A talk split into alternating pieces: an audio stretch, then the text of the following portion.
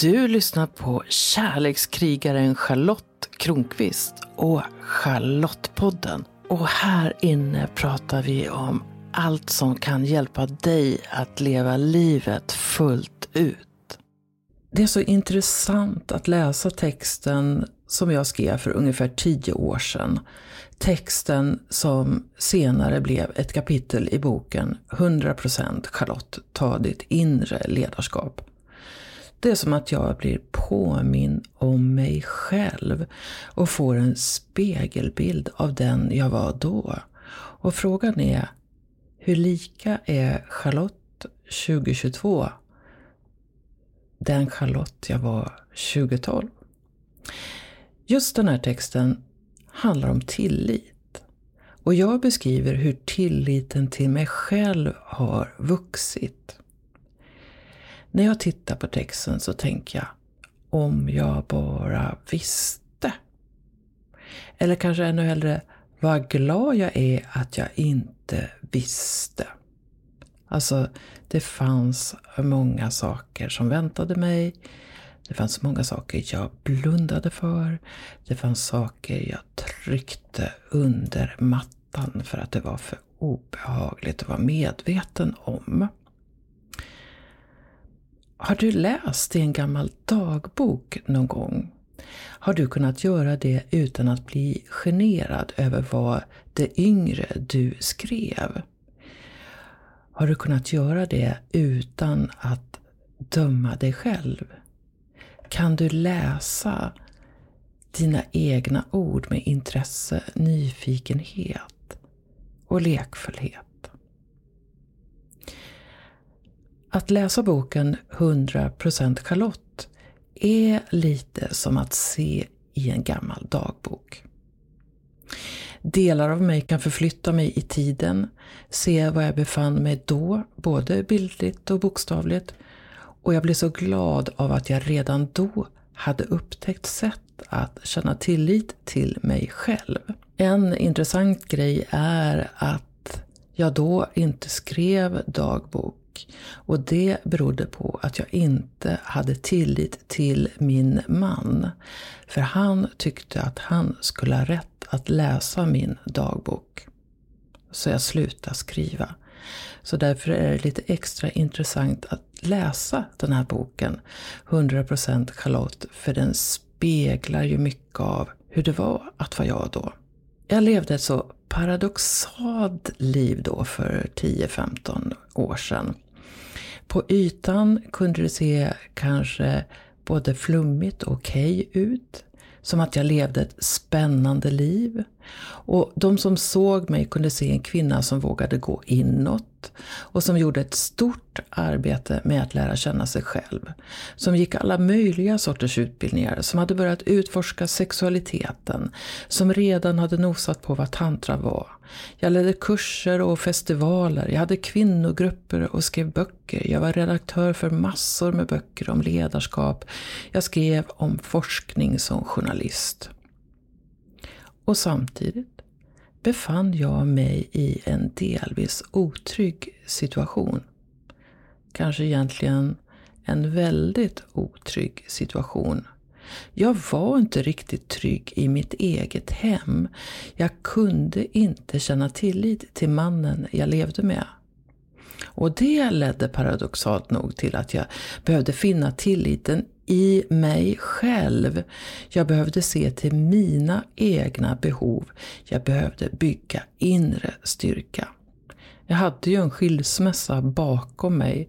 Efter 17 års äktenskap hade jag lämnat barnens pappa. Något år senare gifte jag om mig med den här mannen efter 100 dagars bekantskap. Jag var galet passionerad, förälskad och ställde nog ingen av de kontrollfrågor man bör. Jag gick in i det obekanta med buller och bång. Jag satsade allt. Jag dömde olyckskorparna och som sa att man inte kan lära känna någon så snabbt. Att det inte är smart att gifta sig så snabbt. Och jag hade väl skrivit äktenskapsförord. Jag minns glimtar av samtalen om just det. Hur han sa att ett äktenskapsförord skulle innebära att jag inte trodde på relationen och inte litade på honom. Han fick det att se ut som ett svek av mig att se om mitt hus. Så jag gav upp det. Jag ville ju inte se mig som en som drar nytta av andra trots att det var jag som hade kapitalet och han inte hade något annat än skulder. Jag blev manipulerad till en massa ja som låg bakom hotet. Du är en egoist. Du tänker bara på dig. Du bara, du bara, du bara. Och för att slippa bli beskylld för att vara girig eller egoist eller så, så la jag mig platt. Allt mitt blev liksom hans. Men jag såg det inte först. Och när jag började se det så skämdes jag över min naivitet. Jag stannade. Jag kämpade. Jag tog emot de evinnerliga litaniorna där han, som en skiva som hakat upp sig, beskyllde mig för att förstöra hans liv. Jag har hört de där orden sägas så många gånger att många fortfarande finns kvar inom mig trots att jag lämnade honom för snart åtta år sedan. Och så läser jag i boken 100%Kalott om min tillit till mig själv. Jag blir så glad när jag hittar mig själv där i boken. Jag inser att jag vid den här tiden förstått att jag en dag måste gå, men att jag behövde vara förberedd. När jag lämnade barnens pappa hade jag ett pyttelitet nätverk. Jag kände mig enormt ensam som nyskild. Jag stirrade på väggen de veckor barnen var med honom. Så den här gången börjar jag med att lite i taget bygga en extra familj av främst kvinnliga vänner. Kvinnor jag kunde vara mig själv med. Jag gick iväg på meditationer, jag startade kvinnocirklar, jag började tala mer från hjärtat. Jag började lyssna till mina behov. Jag började känna mer tillit till mig själv. Att jag skulle klara mig blev allt tydligare och det visade inte minst ansvarsfördelningen i det andra äktenskapet där jag stod för det mesta. Men så rädd jag ändå var, så svårt det var att gå, för vart skulle jag ta vägen? Jag gick faktiskt inte så långt efter att den här boken var utgiven. Kanske 100% Charlotte var ett slags bevis på min tillit till mig själv. Och jag minns att han inte var särskilt förtjust i det bokprojektet. Och så här i backspegeln kan det ju vara förståeligt. Boken hjälpte mig i praktiken att se mig själv i helfigur och bidrog till impulsen att så småningom gå. Idag känner jag stor tillit till mig själv som jag har jobbat på det genom åren. Jag har en inre styrka som jag tror är svår att knäcka. Och jag har märkt att det finns likheter mellan tillit och kärlek. När jag kan känna självkärlek så öppnas mitt hjärta, både för att kunna ge mer kärlek till andra och för att ta emot mer kärlek. När jag känner tillit till mig själv då blir det lättare att visa tillit till andra, men inte blint tro på andra. I tilliten finns jag litar på min inre röst. Jag litar på mitt omdöme. Jag litar på mina ja och nej. Jag tror inte att det är lika lätt att dupera mig idag som det var då. Jag är förresten rätt så säker på det. Så lyssna till kapitlet om tillit och reflektera över i vilken mån du känner tillit till dig själv. 37. Tillit. Tidigare hade jag varken tillit till mig själv eller till livet. Livet kändes som en kamp och jag var en överlevare. Ju mer trygg jag blir i mig själv, ju mer tillit jag känner, desto mer blir jag en levare, en person som vill leva mitt liv fullt ut. I slutet av 1990-talet började jag resan hem till mig. Det var då jag första gången ställde frågan Vem är jag? Den långa resan har fört mig genom en rad utbildningar, kurser, terapi, coaching, meditationer och Den har gett mig självinsikter, inre styrka och stadga. Det inre arbetet har gjort att jag idag står trygg på jorden.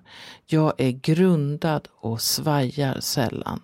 Jag känner numera tillit till mig själv som jag inte trodde var möjlig när jag tog de första stegen på färden inåt.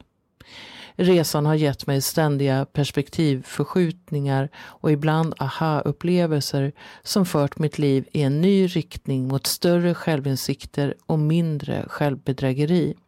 Jag hör människor tala om livet som en kamp eller strid, något de tillfälligt överlever, något de genomlider. Det kan sammanfattas i den lakoniska devisen Life is shit and then you die. För mig blir livet ständigt mer levande. Jag älskar mer för varje dag. Idag är jag en levare som vill fylla min tid med så mycket liv som möjligt. Jag har tillit till att livet vill mig väl, till att jag har makten i mitt liv, till att jag kan göra mina egna val och att jag dessutom kan välja att släppa den känslomässiga kopplingen till mina trauman och smärtsamma minnen. Länge tillät jag mitt förflutna att fjättra mig och då blev det inte mycket energi kvar till att leva nu. När jag kapar bojorna till det förflutna kan jag använda min energi nu. Då står jag fri och kan känna tillit till att livet bär mig. Det gör jag allt oftare. Jag behöver fylla på tilliten ofta. Jag gör det på flera sätt. Ett är att ge mig själv egen tid, tid för varande, som mina morgonmeditationer. Ett annat är att jag lyssnar till min inre röst och litar på att den guidar mig rätt. Episod. Jag känner tillit till en okänd kvinna. Jag sitter mitt emot en kvinna som kallar sig healer och som talar till mig med vänlig röst. Det känns som att hon tar in hela mig. Hon ställer intresserade och inkännande frågor och hon tittar på mig med en skarp och samtidigt varm blick. Jag berättar att jag får yrsel då och då och i vilka sammanhang den dyker upp. När jag tystnar börjar hon tala och beskriver vad hon uppfattar hos mig. Det är något i den klara blicken och den vänliga rösten som gör att jag känner omedelbar tillit trots att det är första gången vi träffas och trots att jag sällan träffar någon som kallar sig healer. Hon säger att jag ska lita på min intuition och att jag ska lita både på mitt intuitiva ja och nej och våga följa det. Du behöver säga nej ibland och göra det på ett kärleksfullt sätt. Du är öppen, kärleksfull och ren och det gör dig sårbar för människor som inte är det. Du är sårbar för elakhet, hat och demoner. Jag tar in hennes ord medan jag blinkar lite med ögonen. Hon ser så djupt in i mig. Jag känner mig nästan naken. Charlotte, det är dags att vara din gudinna nu och våga vara dig fullt ut. Det är din tur att lysa nu. Hon går fram till mig och rör vid några ställen på min kropp för att, som hon säger, rätta till en del saker som inte fungerar så bra. Du behöver släppa kontrollen ändå mer, ha mer tillit. Du behöver inte veta allt. Känn dig trygg med att du inte gör det. Ha tillit till att det ändå kommer att falla ut på det bästa sättet. När jag lämnade mötet med kvinnan kände jag mig lättare än på länge. Jag kände hur tilliten till mig själv växte och att jag skulle tillåta den att fortsätta växa. Din läxa. Vad skulle hända om du vågade lita på dig själv fullt ut? Ja, visst är den där kapitelfrågan spännande. Vad skulle hända om du vågade lita på dig själv fullt ut? När jag läser det i det här sammanhanget så tänker jag att om jag hade litat på mig själv fullt ut så hade jag förmodligen kunnat lämna det andra äktenskapet tidigare. Men jag hade visst några läxor att göra först. Är du kvinna, 45 plus, och längtar efter att känna mer tillit? I så fall har jag något för dig.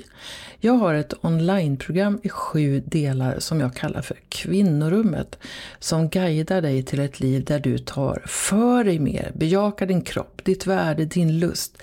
Kliv gärna in i Kvinnorummet. Och jag har en idé om att göra Kvinnorummet live också. En serie workshoppar för kvinnor i Stockholm. Idén har inte mognat riktigt än, men om du är intresserad av det, ta gärna kontakt. För om jag vet att det är efterlängtat så blir det lättare för mig att eh, fullfölja den idén.